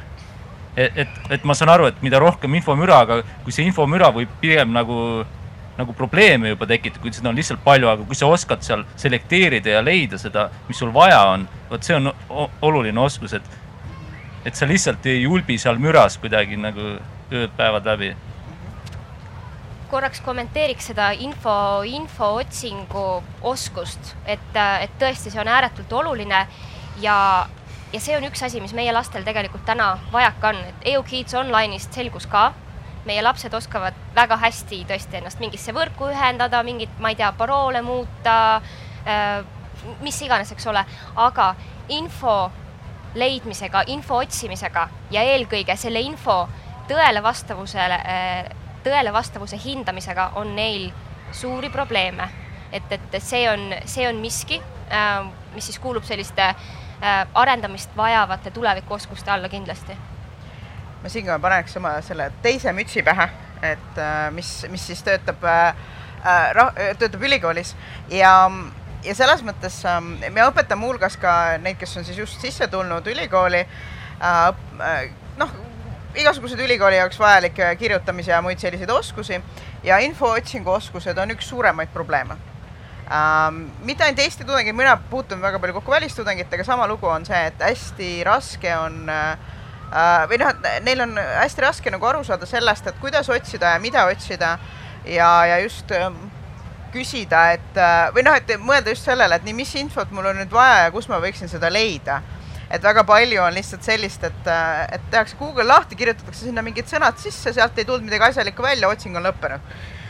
et või esimene kaks vastet oli, nüüd on kõik selge. Lähme eluga edasi. et selles mõttes just niisugune süsteemne infootsing on probleemne, aga teisest küljest, mis puudutab äh, seda info tõele vastavuse küsimust, siis äh, see on asi, mida muidugi ma olen siin terve tänase päeva käinud niimoodi erinevates aruteludes ja, ja kuulamas ja, ja see on asi, mida on hästi palju räägitud Äh, sest äh, seesama info, õige info leidmise teema on hästi problemaatiline ja see ei ole ainult laste jaoks problemaatiline, vaid see on üleüldse, et, et äh, ma jälgin hästi palju erinevaid uudistekanaleid oma, oma töö tõttu ja sealhulgas ka pilauudiste kanaleid. päris tihti ei ole uudisest aru saada, kumb see nüüd on.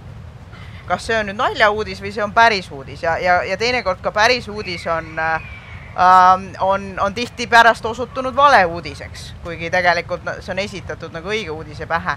et noh, ma arvan, et siin natukene võib-olla on ka see, et me paneme mingisuguse raskuse noortele peale, mida tegelikult ka täiskasvanud ei suuda tegelikult kanda hetkeseisuga, et, et lihtsalt ühiskonnas on meil selline aeg, kus äh, infot on nagu noh, siin on, toodi ka välja infomüra, et seda on nii palju, hästi raske on leida sealt seda õiget asja kõige selle ja, ja aru saada, et millal on nüüd õige asi ja millal ei ole. ja, ja no eks siin on ka see probleem, et ega esimesest lõigust tihti kaugemale ei loeta ka. et kui uudise lõpus on kirjas, et ha-ha, see oli nali, et siis, siis selleni võib-olla ei jõuagi paljud lugejad. aga muidugi seesama lugemise küsimus on, et, milliseks, millisel kujul äh, võiksid äh, noored saada seda infot siis näiteks, kui siin tulla tagasi selle alguse poole, et, et, et kuidas õppida näiteks internetis paremini hakkama saada või, või ükskõik mis, mis asju. Ähm, et kas see võiks olla siis tekstide kujul, kas õpetajad võiksid anda neile see, noh, kus kuju, mis kujul nad peaksid saama siis neid juhiseid, kuidas eda, eluga edasi minna internetis?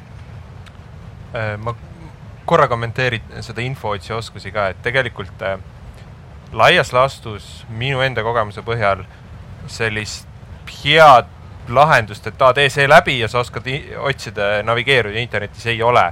et see laias laastus baseerub kogemusel, sellisel kõhutundel, kas see nüüd lendab või ei lenda, et see ja kus mina tegelikult alustasin, oli Google ise teeb kursusi, kuidas Google'it kasutada ja sealt ma õppisin hästi palju juurde, kuidas seda, mis trikke teha ja nii edasi, see oli nagu väga palju aega tagasi, aga üldiselt see baseerub, sul mingisugused Lego klotsid olemas, mida sa tead, et saab kasutada ja siis sa hakkad seda kasutama, kasutad aasta aega, täielik fail võib-olla, ja siis järsku hakkab tulema.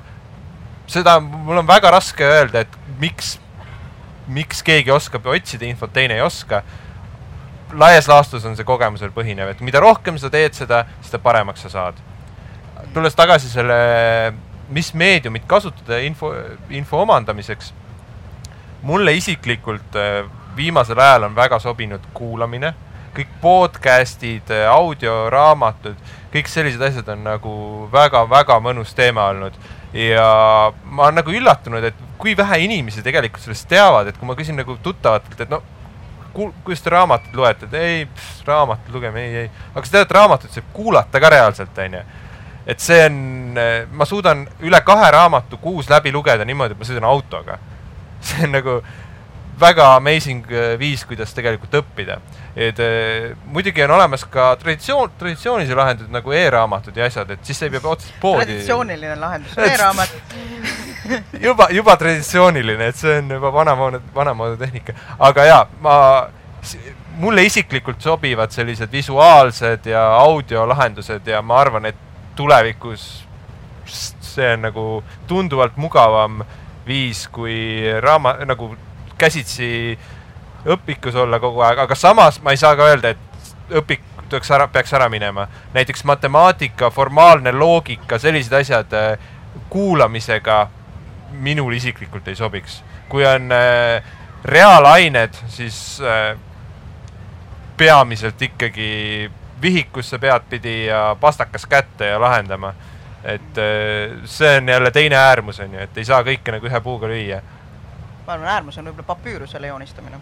no see töötab ka selle kuulamise kohta, et, et äh, mul on tuua selline huvitav näide, võib-olla, võib-olla on natuke teist, küll teistsuguses kontekstis, aga siiski mingeid järeldusi saame teha, et hiljuti äh, juulikuu alguses äh, siis äh, äh, Tartu Ülikoolis ajakirjandus ja kommunikatsioon ja võtsime vastu siis äh, noori tudengeid. Ehk siis äh, käisid siis komisjoni ees, käisid äh,, käisid gümnasistid, värskelt lõpetanud enamjaolt ja me küsisime nende käest, et, et äh, noh, räägi kõigepealt, et räägi, milliseid, milliseid meedia milliseid meediume sa tarbid ja üllataval, vähemalt minu enda jaoks üllataval kombel olid väga suure tähtsuse omandanud just podcast'id ja teine oli raadio.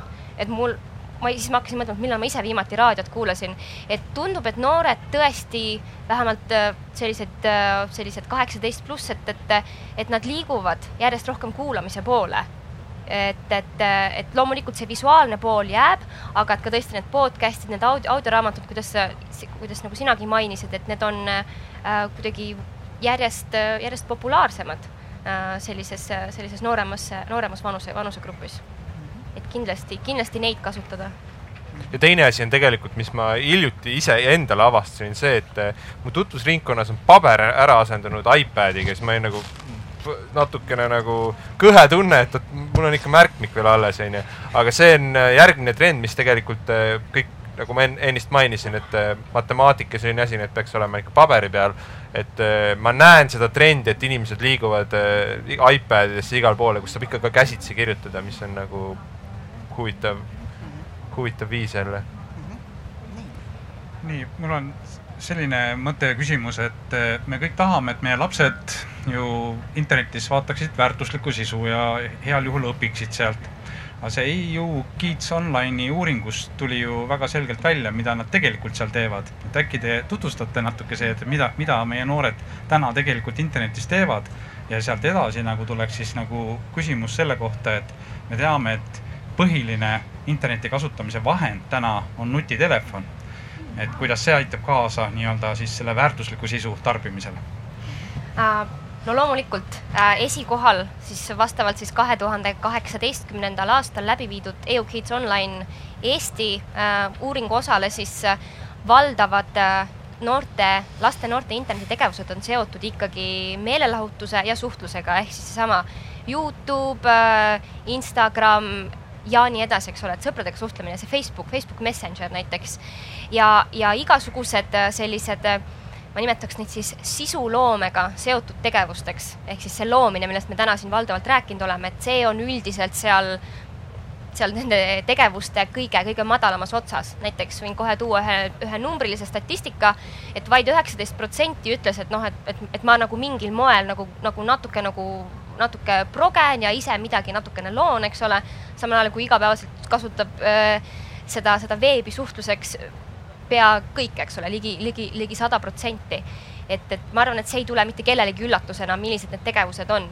ja loomulikult kõige eelistatum vahend netis käimiseks täna on nutitelefon. kui aastal kaks tuhat kümme oli natuke üle kolmekümne protsendi äh, Eesti lastest igapäevaselt nutitelefonis, siis täna on see juba kaheksakümmend üheksa, kui ma õigesti mäletan. et, et see on ikka, ikka, ikka tohutu hüpe, et nutitelefon on number üks vahend, et isegi selline lauaarvuti ja kõik muu hakkab kõrvale jääma. ja, ja nüüd see, see, see järgmine küsimus sealt, et, et äh, kas ma mäletan ma õigesti, et, et kuidas siis seda väärtuslikku sisu selle nutitelefoni abil, abil nendeni tuua, et et äh, kui ma sellele vastust teaks, siis ma oleks ilmselt miljonär, et see on tõesti, see on selline, see on, see on tõesti, see on, see on miljoni euro küsimus selles suhtes, et äh, äh, täiskasvanute ja lastevanematena meil, see on noh, see on nii loomulik, et me tahame, et, et nad õpiksid ja see hea sisu oleks neile, neile kättesaadav. aga paraku me peame arvestama, et netis selle kõige hea ja kasuliku kõrval on on ka kõike muud ja sinna ei saa midagi parata. Ja ma arvan, et üks mõte võib-olla, mida siit kaasa võtta ja kuidas tagada selle väärtusliku sisu olemasolu, ongi selline, selline vanemlik juhendamine. et, et võib-olla vanemana tutvustada oma lapsele seda, et vot siin on selline äge asi, siin saab seda teha, seda teha, lihtsalt näidata talle neid võimalusi, et, et see oleks üks, üks variant, kuigi sellist head ja suurepärast ja väga lihtsat vastust mul siin kahjuks anda ei ole aga ma korraks küsin eh, selle uuringu kohta, et kas me teame, miks nad ei kasuta väärt-, tähendab, et kas ähm, seal mängib rolli ka see, et ei ole seda piisavat sisu, mida nad võiksid tarbida, noh, asjalikku mm, -hmm. või siis äh, nad on täiesti teadlikud, et see on olemas, aga neid lihtsalt ei huvita see? Nad on teadlikud, et see on mhm. olemas, aga siin jällegi mängib selline äh, rolli noore enda, noore enda huvi ja eelkõige selline, selline ka nagu, ka nagu äh, mingisugune tajutud äh, selline, selline ma ei taha, võib-olla, võib-olla mõjukus selles suhtes, et, et vot, kui ma seda tarbin, et siis on mulle hea. et, et, et tihti ei märgata seda või ei, või, või ühesõnaga jah, ei osata aru saada, et kui ma seda teen, siis see, siis see tegelikult mulle on hea, et siin jällegi saab lapsevanem kaasa aidata. et noored on suurepäraselt teadlikud, et meil on olemas veebisaidid, turvaliselt internetis, kõik need küberpähklid, nad on nendest teadlikud. aga, aga jällegi, miks nad neid ei kasuta, et neid noh, neid põhjuseid on hästi-hästi erinevaid. Eh, ma toon selle info kvaliteedi koha pealt ühe märkuse, et tegelikult eh, tänapäeval isegi on olemas otsingumootorite filtrid ja seadmed seaded, et te kui te lähete ots-, ma ei tea, Google'i kohta ma väga palju ei tea, aga Microsofti toodetel näiteks pingi otsingus sa saad väga, see tundub kahtlane, aga seal on väga hästi, saab reguleerida, mis nagu otsingust välja tuleb. ja see on huvitav point, mida hiljem vaadata, et eh, otsingut saab väga kinni keerata, saab väga lahti keerata ja vastavalt info kvaliteet muutub tegelikult. ja seoses selle info nagu on info olemas, aga see nagu väga ei püüa inimesi, mhm. onju. et äh, ma saan täiesti aru sellest, mulle ka nagu selline kuiv materjal ei meeldi, aga vii-, viimasel ajal on hästi populaarseks saanud selline visuaalne ar- argumented, augmented reality asi, et kui me tooksime selle info nagu sealt telefonist natuke väljapoole, see just nooremas eas lapsi, lastel oleks see nagu väga suur experience, et kui me koolidesse igale poole, näiteks keemiatunnis selle asemel, et me jooniksime tahvlile neid valemeid, nagu visuaalselt näeksime neid telefoni ja tehnoloogia abil, see oleks nagu selline, mis ilmselt tegelikult eh, sunniks lapsi rohkem eh, huvi tundma sellest, no ta on ju suur, vinge, vägev ja see on, kuidas informatsiooni võib-olla rohkem eh, atraktiivseks teha, jah mainisid sellega, et äh, kogu selle hea ja äh, nii-öelda äh, tead-, teadvustava content'i kõrval on ka kõik see muu.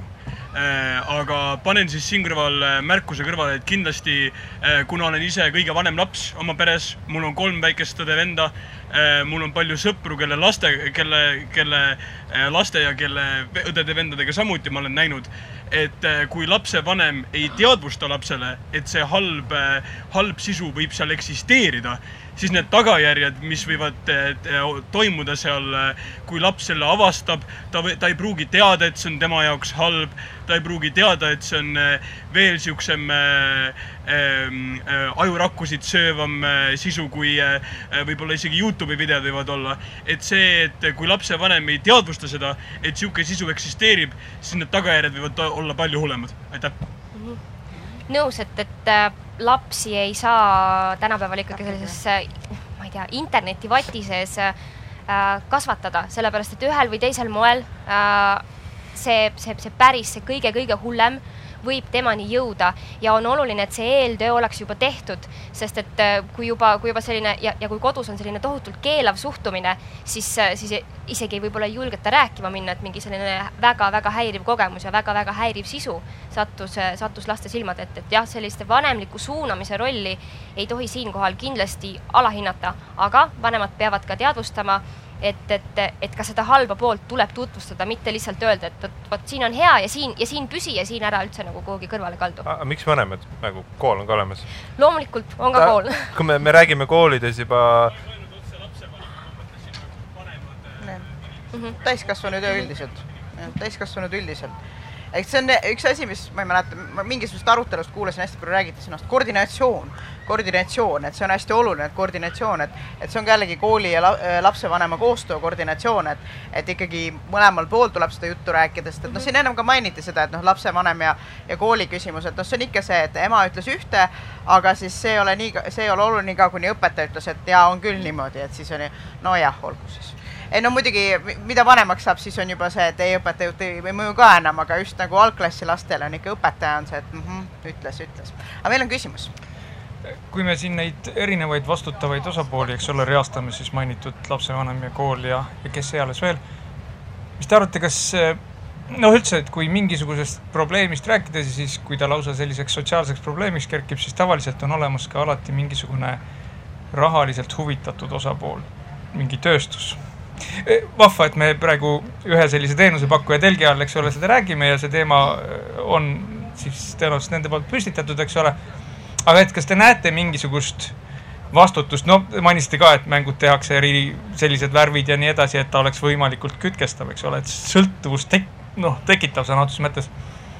et kas mingisugune vastutus ja et kas siis tulevikus võiks hakata toimuma ka mingisugune tööstuse reguleerimine sellesuunaline, et, et, et seda asja kuidagimoodi kontrolli all hoida. kusjuures ma vastan kõigepealt omalt poolt, et, et, et minu jaoks on, ma just tegelikult tahtsin selle teema järgmisena tõstatada, et et kui me räägime sellest halvast kont-, sellest halvast sisust, et siis noh, väga paljud kujutavad ette mingisugust, ma ei teagi, mis te ette kujutate, aga noh, et üks, üks aspekt on, on kindlasti see, et et kujutate ette, kujutatakse ette, ma ei tea, keegi räägib mingit halba juttu või mõjutab noori kuidagi, aga, aga üks osa sellest halvast sisust on ka see, et et kogu internet on tegelikult korporatsioonide käes sisuliselt, et kui me vaatame ähm, näiteks videomänge, kui me vaatame erinevaid, noh, Google omab väga suurt osa internetist, et siis ähm,, siis tegelikkuses noh, väga palju on seal taga raha, rahaline huvi ja, ja noh, eriti videomängude maailmas on hetkel üleval see teema, et ka lastele müüdavates mängudes, mis on täiesti reiting on, et see on lastele mõeldud alates kolmest, et see on sees, on sellised asjad, mida nimetatakse microtransactions ehk siis ähm, põhimõtteliselt sa mak maksad selle mängu eest näiteks kuuskümmend eurot või seitsekümmend eurot ja siis selle mängu sees on ka veel igasugused, et nojah, et aga kui sa tahad endale äh, näiteks seda natukene ilusamat kostüümi selga või kui sa tahad endale natuke paremat äh,, ma ei tea, palli või relva või mis iganes seal parajasti on, et siis äh,, siis sa maksad juurde. ja, ja need tunduvad niisugused mõnikord väikesed summad, aga noh, aga maksa nüüd veel natukene ja maksa nüüd veel natukene, et mängud on niimoodi disainitud et sul on kindlasti seda paremat asja vaja, muidu sa jääd sinna mängu toppama. Ehk siis äh, hästi palju on nagu seda, et, et ähm, no Eestis ma ei ole veel no märganud, et see ajakirjandus üles oleks kerkinud, aga näiteks Suurbritannias on see juba üles kerkinud, kus äh, noh, lapsed kulutavad vanemate krediitkaardi pealt mitusada, mitusada siis naela äh, mängude peale ja noh, nad ei taipagi, et see sinna, sinna läheb, sest et vanemad ei taibanud ka, et, et nemad on ju ostnud selle mängu ja kuidas sealt, isegi need, kes vanasti mängisid videomänge või nendega üles kasvanud nagu mina, siis, siis äh, sa ostsid mängu, panid selle sisse ja siis oli korras, eks ole. aga nüüd enam ei ole seda. ja, ja need võivad minna lõputult need ülesse, et äh, kas see on see koht, kus nüüd, nüüd ähm, äh, et noh, nagu siin küsimus oli, et, et kas korporatsioonidele panna mingisuguseid ma ei tea, siis moraalset kohustust, et hetkeseisuga nemad pesevad oma käed puhtaks, mõnedes riikides on hakatud piirama äh, just eriti seda, et ka mängudesse on pandud ähm, äh, hasartmängu elemente äh, lootbox'is, mis on siis sellised asjad, kus sa näiteks maksad selle eest, et sa saad avada mingi kasti. see on noh, põhimõtteliselt pesuehtne hasartmäng, et sa maksad selle eest, et avada kasti ja seal sees kas siis on see, mida sa tahad või ei ole. ja kui ei ole, siis sa maksad, et osta järgmine kast mida meie siis nii-öelda üldiselt nimetame täiesti pesuehtseks hasartmänguks, aga see on täiesti noh, tavaliste mängude sees ja inimestel on äh, sõltuvus, ka täiskasvanutel on suured sõltuvusprobleemid sellega seoses ja nii edasi. et äh, üldiselt noh, on hakanud valitsused vahele sekkuma. et äh, kuidas teile tundub, et kas, kas peaks kuidagi korporatsioone mõjutama või siin on nüüd vanemate küsimus jällegi, et, et ma ei tea, midagi keelata, kinni keerata ähm,, mingi muu lahendus tegelikult laias laastus seda juba tehakse, et äh, meil on selline Euroopa poolt peale surutud selline direktiiv nagu GDPR ja see laias laastus tunduks justkui nagu mitte midagi tegevat asi, aga tegelikult, mis juhtub taga taustal, on see, et andmed ei jääks ühe inimese juurde nagu täielikult, täieliku kontrolli alla. et mis mina isiklikult kõige rohkem kardan tulevikus, on see, et keegi saavut-, saavutab olukorra, kus sisuliselt tal on metsikult andmeid. ja me praegu mõtleme, et noh, mis see siis olgu, et on ju, aga metsikult andmeid annab sellele firmale sisuliselt kogu sinu pildi, mis sulle hommikul süüa anda, kõik, kõik kogu see, kuhu sa hommikul tööle lähed, sinu Google Mapsid, sinu palganumbrid, arved, tšekid, kõik asjad on tal olemas. see tundub nagu noh, mis seal ikka, onju aga seda saab väga-väga-väga halvasti kasutada. aga tulles tagasi küsimuse juurde, ongi see, et me tegelikult juba teeme seda, et eh, reeglina on see niimoodi, et kui sa ei maksa, siis sina oled toode. ja me üritame kuidagi seda välja, välja võtta, et eh, üks organisatsioon ei saaks täielikku kontrolli ühe valdkonna üle ja kuidas me sinna hetkel lähenemegi, ongi see, et me võtame üha rohkem õigusi nendelt firmadelt ära, et ei, ei tohi kõiki andmeid võtta. kui sa tahadki mingisugust isiklikku andmeid, siis sul on vaja nagu väga konkreetset äh, sõnastust ja lepingut, et ma võtan selle andmed ja kasutan seda selleks. et ma näen, et tegelikult see pikas perspektiivis on tegelikult äh, selline positiivne mõju üleüldse internetis ühiskonnas ja siiamaani rõhutan, et kui sa ei maksa millegi eest, see tähendab, et sa maksad oma andmetega. ja see või millegi muuga. või millegi muuga. ja nüüd ongi, meil on, me oleme hetkel olukorras, kus me ei, intuitiivselt ei taju, mis, mis, mis need andmed tähendavad. aga sellest hetkest, kui vaadata nagu poliitilisi otsuseid ja asju, meie andmete põhjal suudetakse öelda, mis poliitilisi otsusi, otsuseid me teeme ja veel hullem, nad leiavad need inimesed, kes seda poliitilist otsust tõenäoliselt eh, nende kasuks ei tee ja teevad eraldi kampaaniaid otse, otse nendele target itud inimestele, et nad muudaksid oma poliitilist otsust. ja kuhu see välja võib viia, see on juba teie enda fantaasia küsimus. andmetega seoses, et äh, kui paljud meist või kui, kui, kui, kui paljud teist on äh, mõnda näiteks, ma ei tea, rakendust oma telefoni installides lugenud läbi selle terms and uh, conditions osa pole õrna aimugi, mis seal, mis seal, mis seal kirjas on, eks ole. no mõne, mõne on lugenud. mõni on väga-väga ees, eeskujulik, eks ole, et me tõesti ei tea tegelikult väga hästi või noh, ühesõnaga me ise ei võta oma andmete eest praegu veel vastutust, seda ma tahan öelda. aga tulles tagasi selle, nende, selle korporatsioonide mõtte juurde, siis äh, ühelt poolt ei tahaks ju, ei tahaks ju piirata inimest, kes teeb äri, eks ole, tema jaoks on see äri, ta toodab, toodab mängu, tema, tema eesmärk on nagu, on nagu teenida kasu. Aga, aga teisalt mulle tundub, et neid, neid erinevaid ohte, vot et siin on need mis iganes microtransaction'id sees, et, et see võiks nagu kuidagi avalikum informatsioon olla, et, et, et, et väga-väga selgelt, ma ei tea, karbi peal kirjas või et, või et, või et see ei tuleks vanemale üllatusena, et nüüd läks jälle mingi summa ja nüüd läks mingi summa. et, et seal miskit muutust. kusjuures sellega seoses siis ähm, äh, just praegu tõusis üles ka see teema, et äh, hiljuti tuli välja paar mängu, kus ei olnud sees neid. Ja kõik karbid ja asjad läksid välja ilma nende siltideta nendes riikides, kus on hakatud neid silte peale panema. ja siis läks kuu aega mööda ja siis need äh, microtransactions'id läksid sisse sinna. Ja nad teadlikult jätsid alguses välja, et neid ei oleks üheski äh,, üheski siis ähm, issand, ma ei oska enam eesti keelt, kuidas review eesti keeles on? Äh,? retsensioon, arvustuses, et arvustustes ei oleks kirjas, et ei oleks äh, kuskil karbide peal, kuskil ei oleks kirjas seda ja siis hiljem läksid, tulid nad ikkagi sinna sisse, et noh, nad olid algselt muidugi kogu aeg plaanitud, aga neid ei olnud algselt, noh, ei lubatud sinna sisse. et see on selles mõttes äh, Äh, noh, suur probleem. Äh, ma vaidleksin natuke sinule vastu, Artur, kui sa ütlesid, et, äh, et kui sa ei maksa, siis sa oled toode, et sellega ma olen nõus, aga minu meelest me oleme jõudnud aega, kus isegi kui sa maksad, näiteks ostad mängu või ostad äppi või, siis sa oled ikka toode.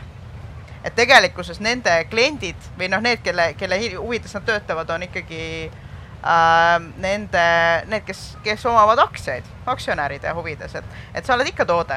et sulle ikkagi noh, sa võid maksta mingi summa, aga sa ei maksa piisavalt et sa oled, oled vaatamata sellele siiski toode. ma soovitan, et äh, kui siin enam juttu Youtube'ist äh, info leidmine, siis seal on üleval näiteks äh, mängude tootjad äh,, kes toodavad näiteks mobiilmängu, neil on äh, õpetusvideod, kuidas oma äh,, kuidas oma siis mängijatelt võimalikult palju raha kätte saada. Et üksipulgi seletatakse ära, et kuidas luuakse see moment, mis, mille ohvriks lapsed langevad rohkem, aga mitte ainult, aga just see moment kus sul läks leveli un untsu ja kas sa nüüd oled nõus maksma natuke ja siis sa saad edasi mängida. ja see on ja sul on, hakkab taimer tiksuma kümme, üheksa, kaheksa, seitse ja sa pead nüüd ära otsustama. ja see on täiesti teadlikult niimoodi loodud. Üks hästi, noh, hästi paljud, ma kujutan ette, ka sinu olijatest on mänginud elus mängu Candy Crush osad ütlevad, mina ei tea midagi, aga, aga kindlasti on, on, on päris mitmeid, kes on Candy Crushiga kokku puutunud, et sellised mängud näiteks teenivad tohutu palju raha ja just selle kümme, üheksa, kaheksa, okei okay,, no see on ainult kaks eurot ju, see ei ole ju palju. aga seda tuleb juurde kogu aeg, et noh, selliste mängudega teenitakse hästi palju lisaraha. nii, aga ma viskan sinna selle palli. Ops, oh, läks hästi. kas teil hetkel võin öelda, et äh, olen äh, palju rohkem näinud lõks, niisuguste mäng, niisuguste olukordade lõks eh, ei ole mitte ainult hetkel noored eh, vaid on ka täiesti keskealised, täiskasvanud inimesed mängivadki isegi rohkem. ja ei, muidugi, sest neil on rohkem raha. jah, selles mõttes väga palju ongi suunatud täiskasvanutele ja mängivad rohkem raha aga kusjuures sellega seoses on huvitav fenomen, mis ma olen märganud äh, nagu mul on kasulapsed ka ja nende pealt, et et kui täiskasvanu vaatab, et noh, reklaam on mingis äpis, et see on nii tüütu, laste jaoks nad on ju harjunud sellega, et noh, see reklaam jookseb ära. okei okay,, lähme edasi. et, et samamoodi nagu meie vanasti vaatasime telekat, et ma vaatan just laste pealt on see, et kui telekast tuleb reklaam, siis, siis mul alati poeg keerab minu peale, kas seda edasi ei saa kerida või? Et telekareklaam on tüütu, aga, aga see telefonireklaam on okei okay., aga samas meie vaatame, vanemad põlvkond vaatab vastupidi, et telekareklaamiga oled harjunud, sa lähed, teed kohvi või midagi, aga siis, kui telefonis on mängus, siis on, mis asja, miks ta siin on. et noh, see on võib-olla niisugune põlvkonna erinevus ka. kas on veel küsimusi, meil hakkab varsti aeg otsa saama, tea? ma lisaksin äh, juurde siia. Äh, ma ühe vähesena Eestis äh, satun olema mänguarendaja. ja seesama microtransaction'ite, lootbox'ide teema siis mänguarendajate enda kommuunis eh, tõstatati noh, probleemina juba aastaid tagasi. sest noh, ühest küljest kui suurkorporatsioonid seda kasutavad ja, ja sellega söövad nii-öelda turvaosa nagu ära, tekitab probleeme teistele, kes seda ei kasuta, eks ole.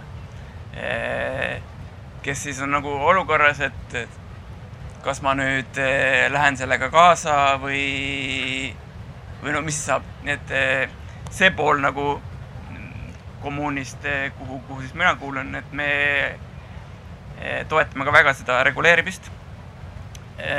sellega õnneks on hakatud tegelema ka, kuigi noh, me oleme seda teemat tõstatanud ka, ka Eestis juba, juba mingi aeg. Eestis minu teada ei ole sellega veel tegelema hakatud, vähemalt tõsiselt mitte. Ma loodan, et selleni jõutakse. ja, ja kindlasti jah, et selliseid asju peab reguleerima, sest et see, see mõjutab kindlasti inimesi ja see mõjutab ka siis noh, tahes-tahtmatult ettevõtete konkurentsi.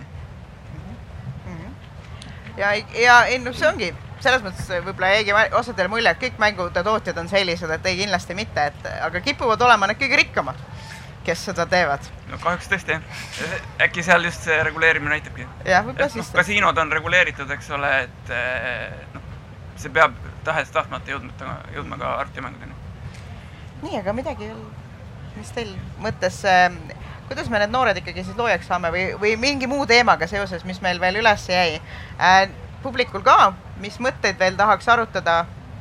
üks, üks teema, mis oli, et selle regulatsioonid kui üleüldiselt on äh, head, nad ilmselt on hea eesmärgi nimel. aga kui reaalselt me nüüd hakkame selle igasse mängu panema, ma nõustun sellega, ma nõustun tollega, ma, olen sellega nõus, siis mis juhtub inimlikult, on see, et sa lõpuks ei loe seda enam. ma arvan, seesama juhtus teie cookie bännerite ja asjadega internetis, kes loeb enam neid küpsistasi. et siin on äh, võib-olla probleem natuke laiem on see, et meil oleks vaja ühiskonnas või internetis sellist asja, et millega ma üleüldiselt nõus olen. ma olen nõus, et ma mängin mänge, kus on microtransaction'id. ma olen nõus cookie'de salvestamisega. et see ei oleks nagu igal lehel eraldi, igal iga, nagu terve maailm oma loogikaga, vaid selline üks koht, kus ma seda saan määrata, määrata. hetkel seda ei ole, aga ma näen, et eh, see on suur potentsiaal, kui selline just nagu iga, iga inimese koha pealt, et nagu kui ma ära määran, mis on mulle aktsepteeri-, aktsepteeritav, kui, kui sügavale te minus nagu tüngit-, tungite. et selline nagu kilp võiks nagu olemas olla, aga hetkel seda veel ei ole jah. et äh, mõte lihtsalt inimestele. no ma arvan, et ma lõpetuseks ähm, ütleme alati, ma olen käinud, ma olen käinud lastele koolides loenguid pidamas ja ma alati üks mõte, mida ma neile kaasa annan, on see, et jätkuvat kriitikameelt. Ja see seostub natuke selle infootsingu teemaga, eks ole, et, et me ei suuda eristada õiget valest, et kui, kui, kui hästi meil see kriitikameel on arenenud ja, ja ka tegelikult teile täna, et kui te meid kuulasite, siis, siis olge selles suhtes kriitilised, et need on meie arvamused, need on meie nägemused. Ja, ja, ja ma arvan, et, ma arvan, et kriitilist meelt äh, nagu säilitades äh, jõuab päris hästi edasi ei, mina ei ole nõus, mina olen õpp-, ülikoolis õppejõud, mina tean kõike nii, kas on veel publik, jaa? Äh, see on nüüd, äh, see ei ole nüüd mulle, aga see on nüüd äh, lapsevanematele. ma annan teile nüüd vihje, kuidas saada, leida lastele head content'i ja see on üks veebileht, mis on just mõeldud algklassi lastele ja mis on, mina olen, mina ei ole seda viimasel ajal üldse enam kasutuses näinud. trükkige URL-i sisse miksike.ee ja te teate, te teate nii palju äh,, nii palju content'i oma lastele, et nad ei saa elus ka enam ei viitsi arvutisse tagasi minna miksikesele leheküljele, ma arvan, nad jõuavad siis, kui nad teevad koduseid töid, kooli asju. no pranglimine äh,. muidugi siin on vist, ma ei tea, kui palju kui palju on, kellel on äh, koolilapsed äh, kodus? väga vähe on, et, et äh, tegelikult kui vaadata äh, tänapäeva nagu kooliõpikuid, eh, siis hästi palju ülesandeid on tegelikult kooliõpikutes äh, mis on, kodused ülesanded on, mis sisaldavad seda, et sa pead otsima internetist midagi. et tegelikult on hästi palju äh,, suunab ka kool äh, sinna, sinna õigetele lehekülgedele. kahjuks, mis näitab ka tegelikult seda, et kui väga problemaat- või noh, kui väga keeruline see teema on, siis äh, ma tihti aitan omal lapsel neid asju üles otsida et kuna need õpikud on trükitud ühel ajahetkel, siis päris tihti neid veebilehekülgi ei ole enam kuhu on saadetud või siis seal veebilehel on kõik ümber tehtud. et me ükskord veetsime mingisugune kakskümmend minutit erinevaid lehti kokku lapates, et saada teada, millised äh, loomad on Eestis ohustatud ja millised on, millises ohustusastmes, sest et see konkreetne lehekülg, kus see info pidi olema, seda ei olnud enam et selles mõttes siin on, on ka jällegi see, et noh, et, et kui sa paned midagi paberile, siis ta on, on paigas ja, ja siis seda ei saa enam muuta. aga, aga tegelikult jah, kooliõpikud juba ka suunavad algklassi lapsi ka hästi palju, et, et mine nüüd otsi internetist näiteks seda või, või teist või kolmandat. et selles mõttes ei ole nad nüüd päris niimoodi, ei lasta neid niisama sinna internetti lahti ma lihtsalt ütlen selle koha pealt, et äh, need asjad internetist nii-öelda ära kaovad, siis selle jaoks on olemas selline väga kasulik tööriist nagu Internet Archive, kus siis ongi salvestatud äh, väga paljusid veebilehti üle aja, mis siis tähendab, et suurem osa veebilehtedega sa saadki minna vaadata, kuidas see veebileht välja nägi paar aastat tagasi. seda ma ise kasutan peaaegu et igapäevaselt. Ma arvan, et selliste, selliste materjalidega, mis õpikutes on, see ei pruugi kõige paremini töötada, aga alati võib proovida. Ja siis äh, on suur tõenäosus, et sa saadki selle originaali kätte sealt. Mm. -hmm aga see on jällegi äh, ka noh, info otsimise oskus, mida, mida kas siis äh, koolis võiks, võiks õpetada või, või siis äh, kuskilt pidi ka vanemad teada um,. aga siin on jällegi see, et noh, tihti inter-, informaatikatunde kas ei ole selles koolis või need tulevad alles hilisemates klassides, et, et see laps um, noh, päris aus olla, siis ma olen ise märganud seda, et noh, seal õpikutes on tihti kirjas, et otsi see info välja, aga tegelikult seda see suunis antakse lastele ennem, kui nad, kui neile õpetatakse, kus siis seda infot reaalselt otsida. et seal ei ole, noh, päris alguses on ka veebilehekülg, aga tihti on see, et otsi internetist see asi välja. Ja, ja tegelikult ei ole lapsele öeldud, et mis see tähendab, et, et otsi internetist, aga noh, siis on jällegi see vanema, kui vanem äh, oskab ja, ja kahjuks muidugi kõik vanemad ei aita ka oma lapsi, et äh, et seal on ka erinevusid, aga jah, et noh, ühel hetkel nad saavad muidugi selle kätte, loodetavasti. Veel keegi tahaks midagi, mis, mis kripeldab terve selle aja mõelnud, et tahaks midagi öelda, aga nii, aga siis ähm, ma ei teagi, kas me jõudsime selleni, et, et kas, kas, kas noortest saab nüüd tarb-, tarbijatest loojad? kuidas teile tundub? jällegi ma ütlen, et kõik ei pea looma, peab ka olema neid, kes, kes on tarbijaid, et siin peab olema teatav, teatav tasakaal küll aga, aga mida ma tugevalt pooldan, see, et need võimalused loomiseks oleks olemas, et me, et me anname infot, et saab luua, kuidas saab luua, kust liikuda edasi, et, et, et, et see, ütleme et sobiv keskkond, see peab olema loodud ja siin saame me täiskasvanutena, nii vanemad, kool, kõrgemad instantsid, saame väga palju ära teha. minu kõhutunne tegelikult ütleb, et äh, maailm liigub IT suunas ja see on nagu paratamatu, vaatame nagu autotööstusi ja asju seal põhimõtteliselt on hetk praegu murral, mur-, murranguline hetk, kus IT-töötajaid on autotööstuses rohkem kui mehaanikuid. varsti ei olegi neid ja see järjest tõuseb. Ja mulle vähemalt tundub niimoodi, et eh, kui me ei oska midagi uut luua, midagi uut tagasi anda, siis eh, pikas perspektiivis see on eh, märk, et me ei pruugi varsti enam IT-maailmas hakkama saada. ehk siis ma pigem julgustaks inimesi proovima, katsetama, mängida. Excel tabelid, kõik asjad, see on tegelikult loomine, content'i loomine. et kui ainult tarbida televiisorit ja mängida mobiilimänge, siis varsti-varsti on hetk käes, kus tegelikult ei saa enam oma igapäevaeluga enam hakkama, kuna maailm muutub järjest-järjest eh, rohkem IT-põhiseks. ja mina ütlen omalt poolt, et alustasin sellest, et interneti sõltus ema, see oli muidugi poolnaljaga öeldud, aga, aga, aga minu poisiga juhtus see, et tarbijast sai looja, et ta lõi oma Youtube'i kanali, keegi ei käi seal, aga, aga ta ise, aga ta ise paneb sinna videosid ja mina käin ja vaatan ja siis vahepeal kommenteerin, et, et mis on hästi ja mis on halvasti ja nad sõbraga koos panevad sinna videosid ülesse ja, ja mm, mänguvideosid, et noh, et selles mõttes, et see ei ole tegelikult üldse raske ja see on ka asi, mis eh, noh, neid samu noori, kellest juttu oli, eks ole, üldiselt siin täna praegu ei olnud, aga aga kindlasti te tunnete mõningaid, et, et see on ka asi, mida saab ise proovida ja saab ka teistele anda edasi, et et see ei ole raske ise content'i luua ja mitte ainult, et paned Instagrami pilti ülesse, vaid, vaid ka noh, täpselt proovida teha videot äh,, proovida teha mina tegin ükskord, õppisin, kuidas teha videot ja siis tegin oma lapsele video, saatsin talle teise tuppa, et hakka koduseid töid tegema ja et noh, sa saab teha igasuguseid asju ja, ja see internetimaailm on tegelikult suur ja lai ja, ja kuigi natuke võib-olla läks täna selliseks, et noh, kõik on pahasti ja, ja hästi palju halbu asju on, siis tegelikult seal on hästi palju häid asju ka, et need tuleb äh,, tuleb ise üles või noh, tuleb üles leida ja anda ka edasi teistele, mitte ainult noortele, vaid ka rääkida sõbrale, et et äh, ma tean palju inimesi, kes aeg-ajalt kokku saavad, siis ikka jagavad paremaid äppe telefonist, mis nad on näinud ja mida nad kasutavad ja millest neil kasu on olnud, et, et samamoodi ähm, jagage seda head kogemust ja, ja jagage seda nii noortega kui, kui vanematega ja ähm, ja küllap, küllap siis saame ka nendest interneti kõige suurematest muredest jagu. see oli sihuke, lõpetame optimistlikult. aga suur tänu!